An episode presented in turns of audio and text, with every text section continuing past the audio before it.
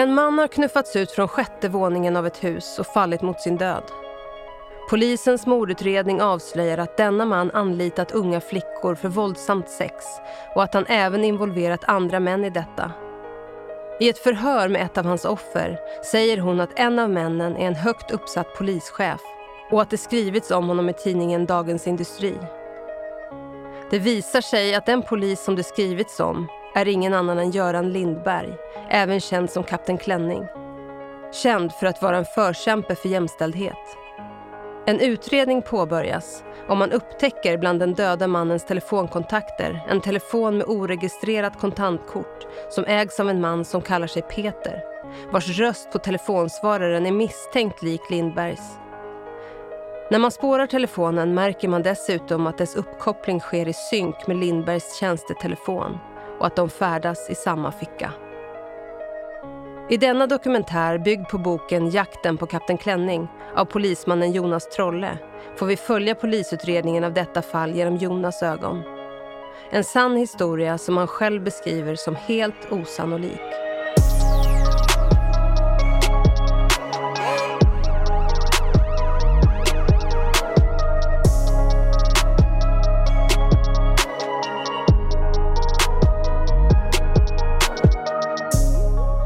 Spaningarna inleds. Jag håller mitt livs mest extraordinära utsättning den 22 december. Immi och jag drar förutsättningarna och den ganska långa bakgrunden till varför Göran Lindberg är att anse som skäligen misstänkt för våldtäkt. Vi kan inte utesluta att han kan komma att misstänkas för ytterligare brott. Kollegornas ansikten blir allt längre. De är minst sagt förstummade. Mot slutet av genomgången frågar jag om någon har problem med att det är en kollega som vi ska spana mot. Jag har i vart fall inte något problem med det. Om Lindberg är oskyldig är det ju lika viktigt att vi spanar och utreder som om han är skyldig, svarar Leif på sin breda värmländska. Han sammanfattar gruppens inställning ganska väl. Jag tycker svaret visar på stor professionalism. Vi ska vara objektiva och även se till det som talar till Lindbergs fördel. Spaningarna på Lindberg har påbörjats. En liten grupp ledd av Jonas har bildats för att göra en utredning kring fallet Lindberg. Det är av stor vikt att det här är en sluten grupp där alla har all information och inte delar med sig av något med någon som inte har med utredningen att göra. Och jag, jag tror verkligen på det, för, att, för att det bygger ju också på att man som arbetsledare då eh, har en idé om att mina medarbetare också kan bidra till mina beslut. Sen är det så att besluten kan ju vara beslut som måste tas av en person vid ett givet tillfälle och där man inte hinner diskutera. Man hinner inte ha någon, någon liksom, eh, något litet något litet rådslag, ja men då, då är det ju så. Och då, då är det ju ytterst den som är utsedd som chef som får leda och bestämma det. Och, och i det här fallet var det jag. Eh, men, men, eh, men jag tror verkligen på det. Och, eh, och det tror jag var en av anledningarna till också att det, det hölls otroligt tätt. Alltså. Tillsammans med åklagare Björn Eriksson bestämmer sig utredningsgruppen för att avlyssna Lindbergs tjänstetelefon och hans mobil med oregistrerat kontantkort. Jonas följer med åklagarens medarbetare Kai Engfeldt till Stockholms tingsrätt för att hos en domare ansöka om att få utföra denna telefonavlyssning. Detta godkänns. Men det som är ofta när man, när man spanar på folk eller när man har ett, ett uppslag eller en, ett ärende eller någonting sånt där. Och särskilt om man jobbar med väldigt grova våldsbrott som mord och de här skjutningarna som är nu till exempel. Så är det så att när man, när man sätter igång med det där ärendet då är det någonting som har hänt.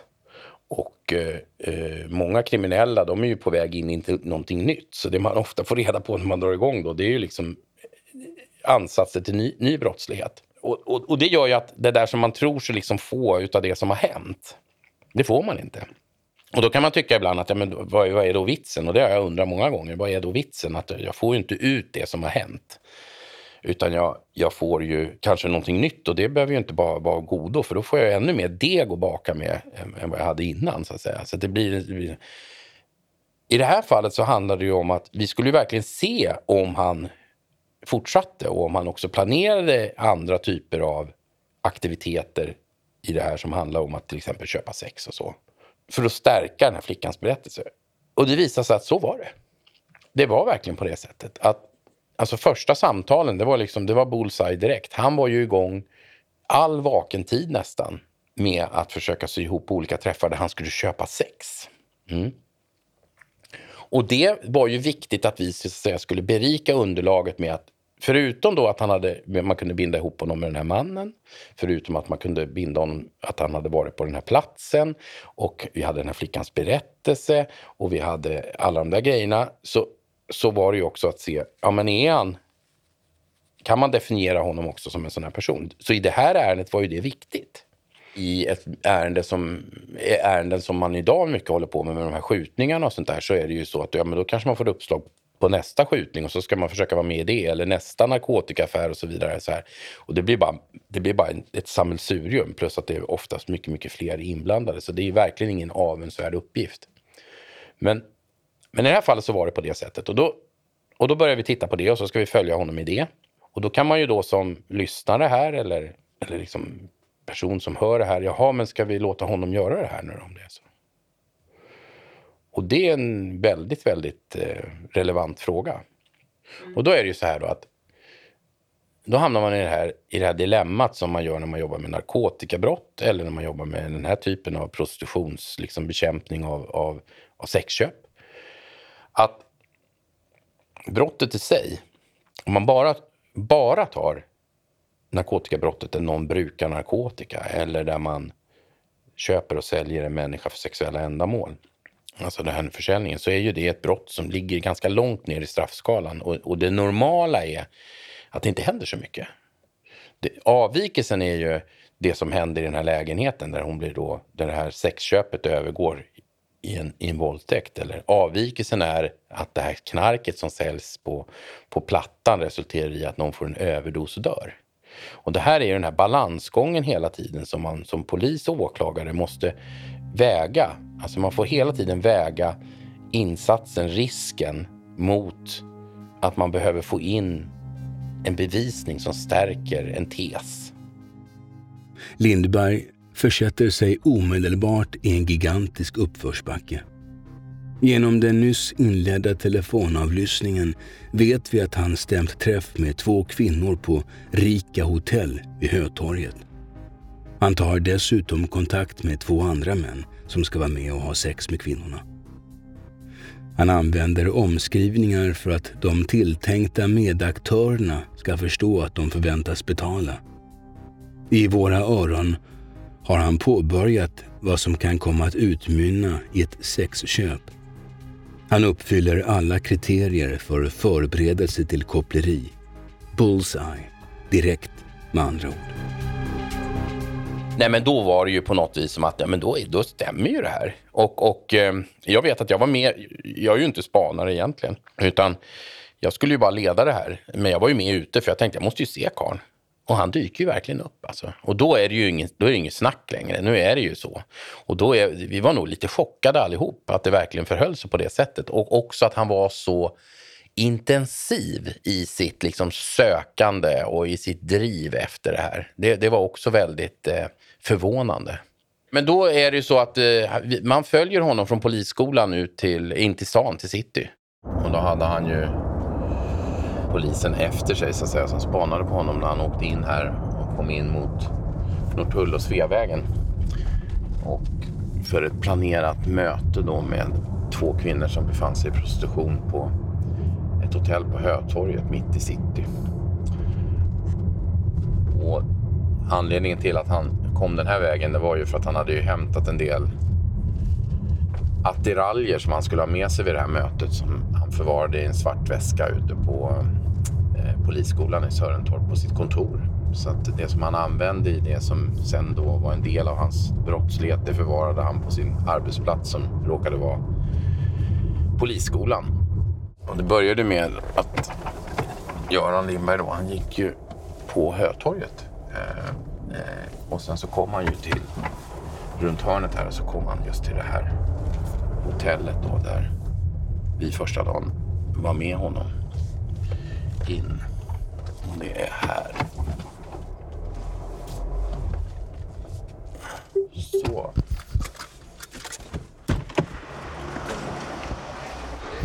Det här var ju strax före jul. Det var mitt i julhandeln och strax före jul när han eh, kom då på Hötorget här. Och den här, den här vintern, det var ju en ganska kall vinter och det var snö och eh, väldigt mycket folk på Hötorget när han kom gående här med sin svarta bag. Och eh, sen gick in här på hotellet och mötte de här två kvinnorna som, som sålde sexuella tjänster till honom. Här.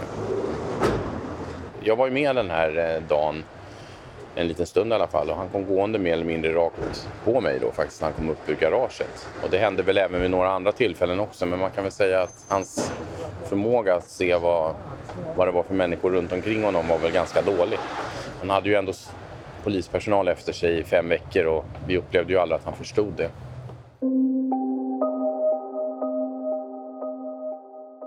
Och sen när han är klar med det här så, så lämnar han med en, en ganska stor svart bag och så åker han ut till polisskolan igen. Och det här tyckte jag blev rätt intressant för då tänkte jag så här att okej, okay, om han nu åker dit ut igen och så går han in med den här väskan i sitt tjänsterum. Såg vi ju då med spaningen och sen kommer han ut tomhänt. Och då tänkte jag så att väskan har ju relevans för vad det är han håller på med på, på, på något sätt. Så att ganska snabbt där så, så tyckte vi då, eller tyckte jag då att vi måste göra en husrannsakan på hans kontor.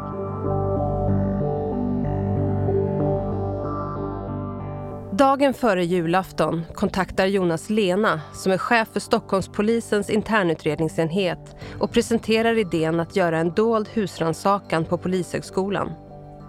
Lena har själv ingen synpunkt på detta förslag men anser att det viktiga är att få med åklagaren på det. Nej, men det är ju ett åklagarbeslut så jag drog det här för åklagaren att jag tyckte att det var en bra idé och, och liksom, för, för det var så mycket annat i den här historien som var så osannolikt. Så, att, så att jag tänkte att ja, men vi kan nog hitta bevisning här på skolan. Och eh, att vi eh, förhoppningsvis då ska kunna... Jag hoppades att vi skulle kunna gå vidare i ärendet genom att, att vi går in där. Och eh, det som också var intressant i det här, för jag, jag hade fortfarande kvar ett kontor själv på, i, samma, i samma byggnad.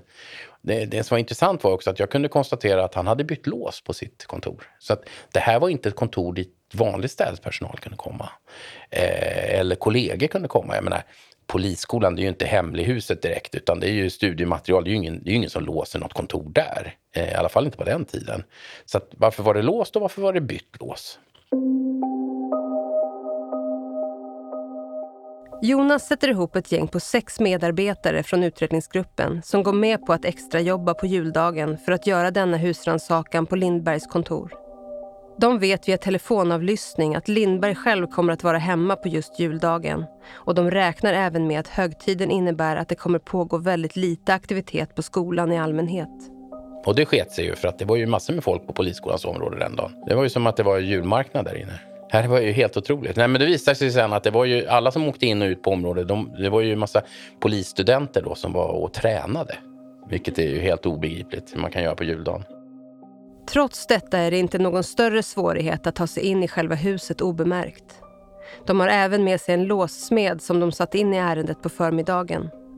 Han har fått samma information som alla andra och ställer inga frågor. Och det är ju inte vilka låsmedel som helst såklart. Men, och, eh, och han ska ju då ta sig in i den här lokalen, i det här kontorsutrymmet utan att det sen efteråt märks. Men det var lite komplicerat att komma in och under tiden som det här då pågår så, så kommer det en, en hundförare eh, in i, på området. Och det, det är också ganska vanligt på, på polisskolans område där ute i Sörentorp eh, att man rastar sina hundar där och så vidare. Och många polishundförare de, liksom test, de kör spårsök och lite såna grejer med hundarna. Och sen är det ett bra område för hundarna att springa på. sig. Och det intressanta var med den här hunden då, dels hade vi varit väldigt störda av alla gymmande polisskoleelever som något hundratal meter bort och åkte in och ut på området. Och sen så kommer han, och det intressanta var då, det var att när han släpper hunden så springer ju hunden dit hän hunden uppfattar att här var det någon senast. För de är ju alltid liksom inne på det här spårsökandet.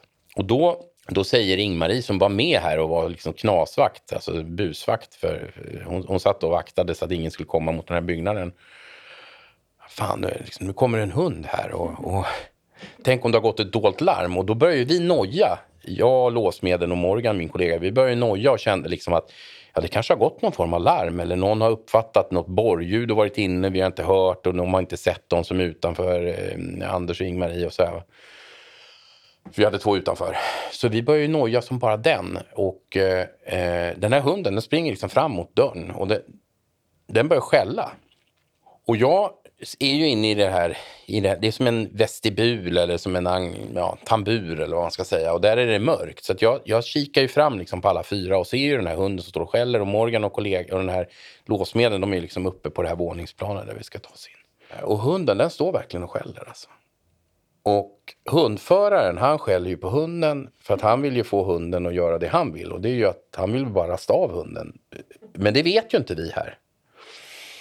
Så att under en viss stund där så kände vi ju en panik där över att det har gått något lågt larm och nu ska någon öppna dörren och sen kommer den här hundjäveln in. Och den biter ju på det som rör sig liksom. Det, det, har ju hänt. Jag menar, jag har en kollega här för något år sedan som var med om det där. Hon hamnade i slagsmål med en, en, en, en langare. Och eh, hunden kan ju inte skilja på langaren och henne så hon blev ju rejält hundbiten utav polishunden. Så att jag menar, det där är knepigt. Husransakan på Polishögskolan. Hunden heter Drutten och sniffar illavarslande på dörren. Så där otåligt och häftigt som hundar med vittring sniffar. Kommer allt gå åt helvete nu? Kanske har vi med oväsendet från låssmedens borr röjt vår närvaro. Har vi satt igång något dolt larm? Kommer det att bli skandal nu? Som Watergate eller Ebbe Carlsson-affären? Hur ska jag förklara vad jag gör i det här huset med en kollega och en låssmed? Vad kommer förundersökningsledaren, åklagaren Björn Eriksson att säga? Jag känner mig med ens väldigt, väldigt ensam. Att ligga på golvet två meter från ingången till det kontorshus där en av Sveriges mest kända polischefer har sitt kontor i syfte att bryta sig in skapar minst sagt en viss ängslighet hos mig. Vi är inte ens 20 poliser i hela landet som känner till misstankarna mot Göran Lindberg. Min och de andra initierades avsikt är att det inte ska vara mer än de som arbetar med ärendet som ska veta något. Det får inte bli några läckage. Tänk om det är flera inblandade. Tänk om det kommer ut, det vi gör just nu. Då kan Lindberg, men även om det är andra inblandade, förmodligen ta till med nära nog vad som helst för att uppgifterna inte ska spridas. Det kan bli väldigt obehagligt för oss. Att drutten ska ge sig på oss får närmast anses som en liten bagatell i sammanhanget.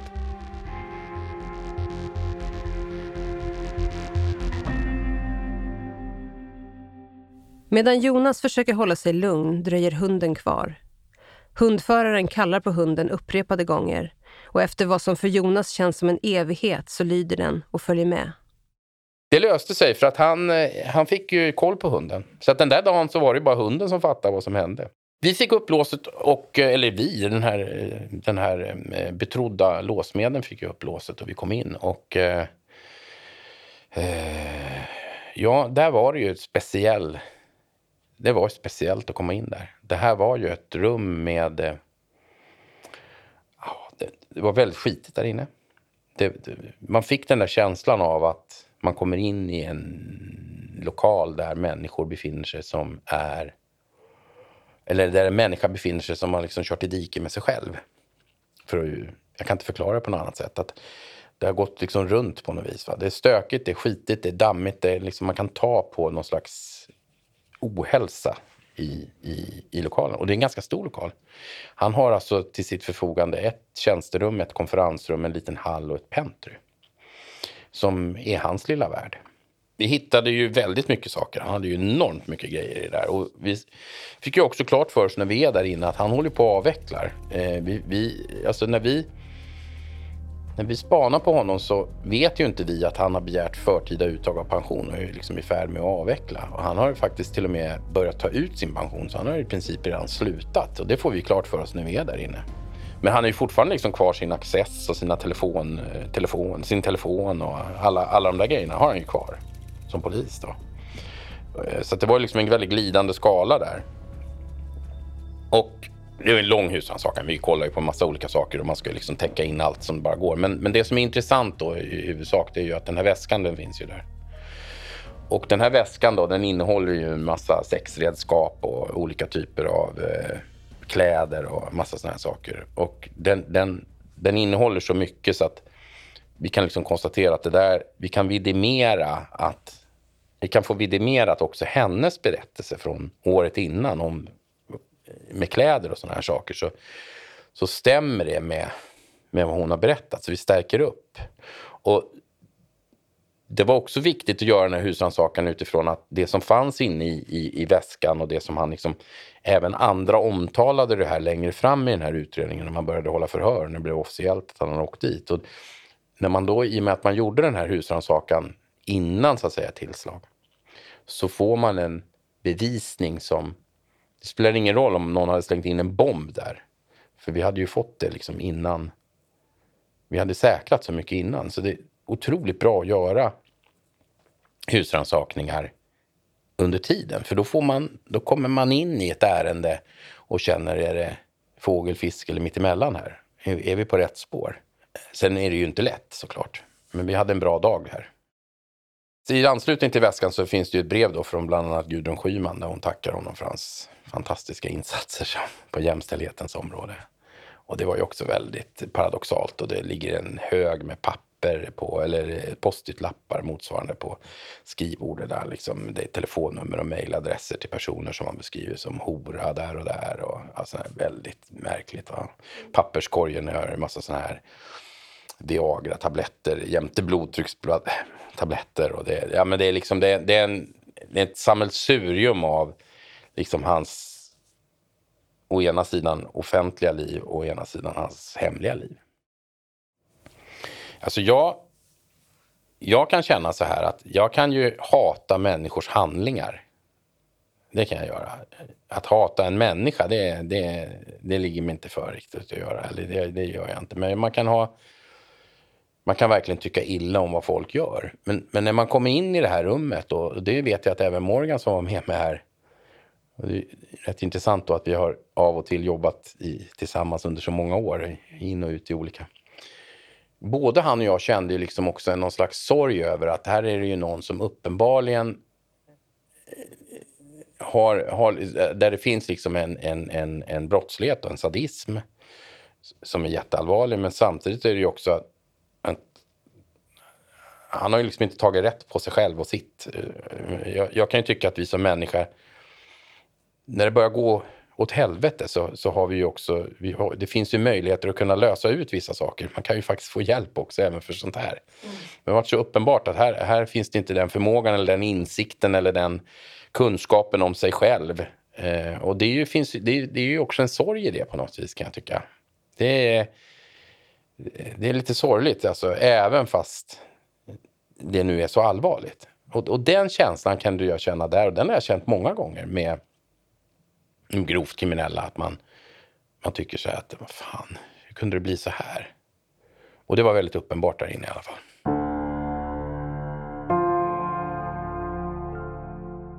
Efter husransakan återupptas spaningarna på Lindberg. Utredningsgruppens uppfattning är att han är en tickande bomb som när som helst kan löpa amok och göra sig skyldig till ett grovt brott. En jakt påbörjas där man följer Lindberg genom ett flertal platser i Sverige. Han gillar att åka bil. Och det var ju tur att vi också gjorde det. För att det, det var svårt. Han åkte ju och for land och rike och det var ju mycket i det här syftet.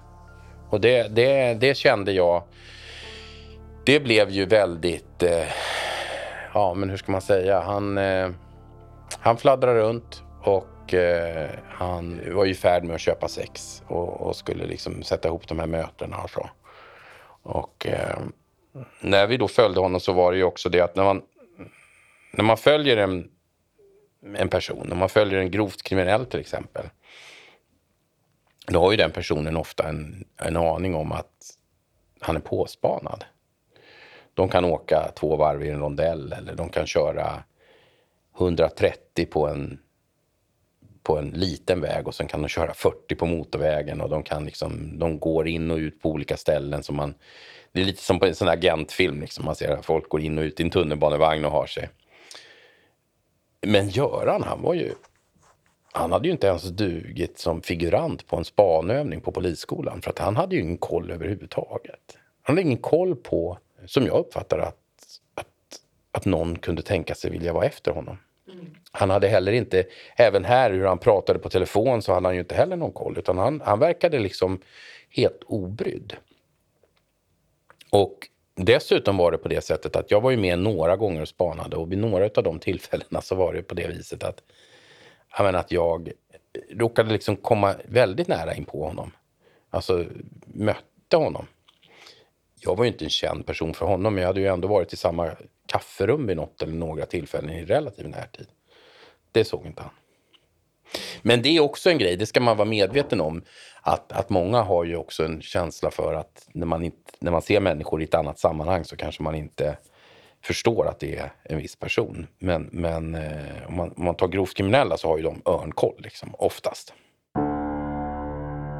Man följer Lindberg till Närke och sen tillbaka till Stockholm. Och där är han ju vid det tillfället, vid den, där är han ju otroligt eh, oförsiktig. Alltså. Han, han tar även kontakt med polisen för att hitta dit, alltså ringer till länskommunikationscentralen för att hitta rätt väg. Han ringer ju sig anonymt från sin kontantkortstelefon, men det är också så helt otroligt hur man, hur man kan göra det. Och sen så kommer dit, han kallar sig då för någonting, han hade något aliasnamn och han backar in sin bil där han är registrerad ägare på. Och där är han, ja, och sen, och sen åker han bara kort därifrån för det där... Äh, eh, otroligt eh, naiv. Han köper ju sex vid ett antal tillfällen under den här perioden. Han, han, försöken så att säga rent telefonmässigt och planeringen, den, de är ju betydligt fler. Och då, då kan vi konstatera då att han, han, han han pratar ju på telefonavlyssning med de här tjejerna och han, har en, liksom, han närmast regisserar vad det är han vill göra och hur han har tänkt sig att det här ska genomföras och så vidare. Men vi kan ju också då konstatera att det är vuxna människor. Det är inte som den här första, ett barn. Och att de här är med på ett upplägg och att vi är då ändå med och spanar och försöker hänga på här och också se och försöka bilda sig en uppfattning om vad som händer. Men vi kan ju samtidigt inte, vi har inte röntgenblick och vi kan samtidigt inte följa med in i de här lokalerna där han, där han befinner sig med de här. Men det är klart att vi hade en... Det fanns en, en latent liksom en oro för att kan det här spåra liksom på ett eller annat sätt? Och spaningsperioden mot honom det var en väldigt kort tid. Det var en fem, sex veckor bara. Mm. Det, är, det, är en kort tid eh, generellt sett. Och det var när han började intressera sig för att ha ett sammanträffande med en 14-årig flicka som vi bestämde oss för, eller åklagaren bestämde sig för, att nu ska vi agera mot den här mannen för att han får ju så att säga inte träffa, träffa henne. Och det, det är liksom, den gränsen kan man inte passera, den, det kan man inte låta ske. Under spaningarna får man reda på att Lindberg fått kontakt med en 14-årig flicka vid namn Julia. Lindberg använder sitt alias Peter när han kontaktar henne via telefon och sms. Han gör det tydligt att han vill träffa henne för sex. Julia, 14 år. Vi får snart reda på vem Julia är. Hon bor i en vanlig familj i ett litet samhälle i Dalarna. Hon går i skolan i tätorten intill. Julia genomgår, som så många andra tonåringar, en jobbig period i sitt liv. Hon söker bekräftelse och får det av Peter. Lindberg är väldigt angelägen om att få träffa henne. Vi är angelägna om att han inte ska få göra det. Men hur långt ska vi våga låta honom gå? Hur mycket ska han få tillåtas grona henne? Hur förstörd blir en människa, ett barn av en person som Lindberg? Vad kan vi uppnå i form av straffpåföljd och ytterligare bevisning för andra brott om vi avstår från att ingripa? Ingen enkel sak att ha ett klart svar på. Lindberg bestämmer träff med den 14-åriga flickan. De ska träffas i Falun. Efter fem veckor av spaningar så bestämmer man till slut att det är dags att slå till mot Lindberg.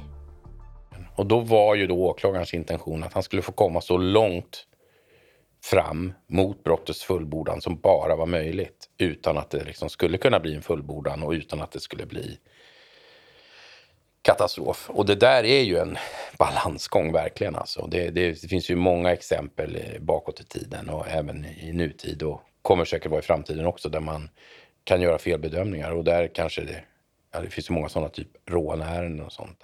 Lindberg har planerat mötet med 14-åringen länge och polisen har väntat på det här tillfället lika länge. Det här är den viktigaste dagen för utredningsgruppen.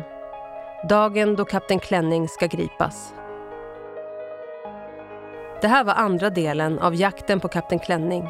En dokumentärserie i tre delar baserad på Jonas Trolles bok med samma namn. Producerad av Johan Brännberg och Stray Dog Studios. Medverkande Jonas Trolle.